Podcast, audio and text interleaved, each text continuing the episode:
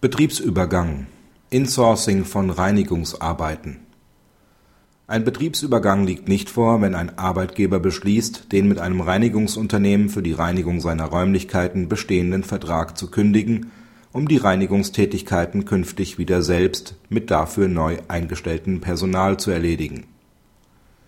Zu diesem Ergebnis kommt der EuGH anlässlich des Vorabentscheidungsersuchens eines spanischen Gerichts, dem folgender Sachverhalt zugrunde liegt eine Behörde beauftragt seit Jahren ein externes Reinigungsunternehmen mit der Reinigung ihrer städtischen Schulen und Gebäude. Im Jahr 2008 beschließt die Behörde, diese Reinigungsaufgaben künftig selbst wahrzunehmen. Sie kündigt daher den bestehenden Dienstleistungsvertrag. Um die Reinigungstätigkeit ausführen zu können, stellt sie vom freien Arbeitsmarkt fünf neue Arbeitnehmer ein. Aufgrund der Kündigung entlässt das Reinigungsunternehmen eine Arbeitnehmerin, die daraufhin auf Einstellung bei der Behörde klagt Entscheidungserheblich war die Frage, ob die Rückübertragung der Reinigungstätigkeiten auf die Behörde einen Betriebsübergang darstellt. Nach Ansicht des EuGH ist dies nicht der Fall.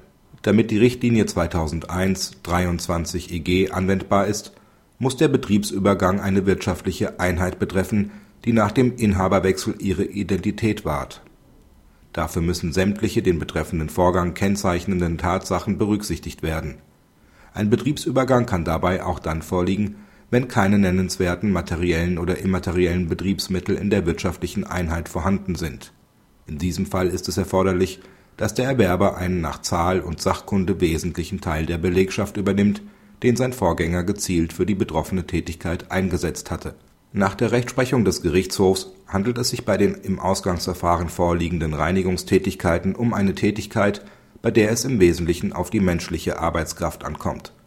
Da die Behörde im Streitfall keine Arbeitnehmer des Reinigungsunternehmens und auch weder materielle noch immaterielle Betriebsmittel übernommen, sondern neues Personal eingestellt hat, lässt sich der Übergang einer wirtschaftlichen Einheit nicht feststellen.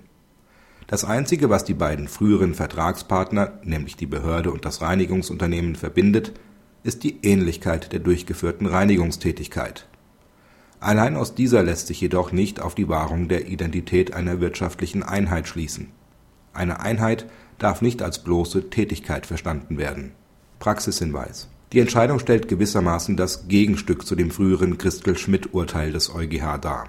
Seinerzeit hatte der EuGH angenommen, dass die Fremdvergabe von Reinigungstätigkeiten durch eine Behörde auf ein Reinigungsunternehmen im Wege des Outsourcings selbst dann zu einem Betriebsübergang führen kann wenn die betroffenen Arbeiten lediglich von einer Arbeitnehmerin ausgeführt werden.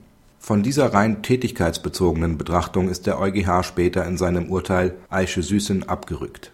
An diese Rechtsprechung knüpft das Gericht nun auch für den umgekehrten Fall eines Insourcings von ausgelagerten Reinigungstätigkeiten an.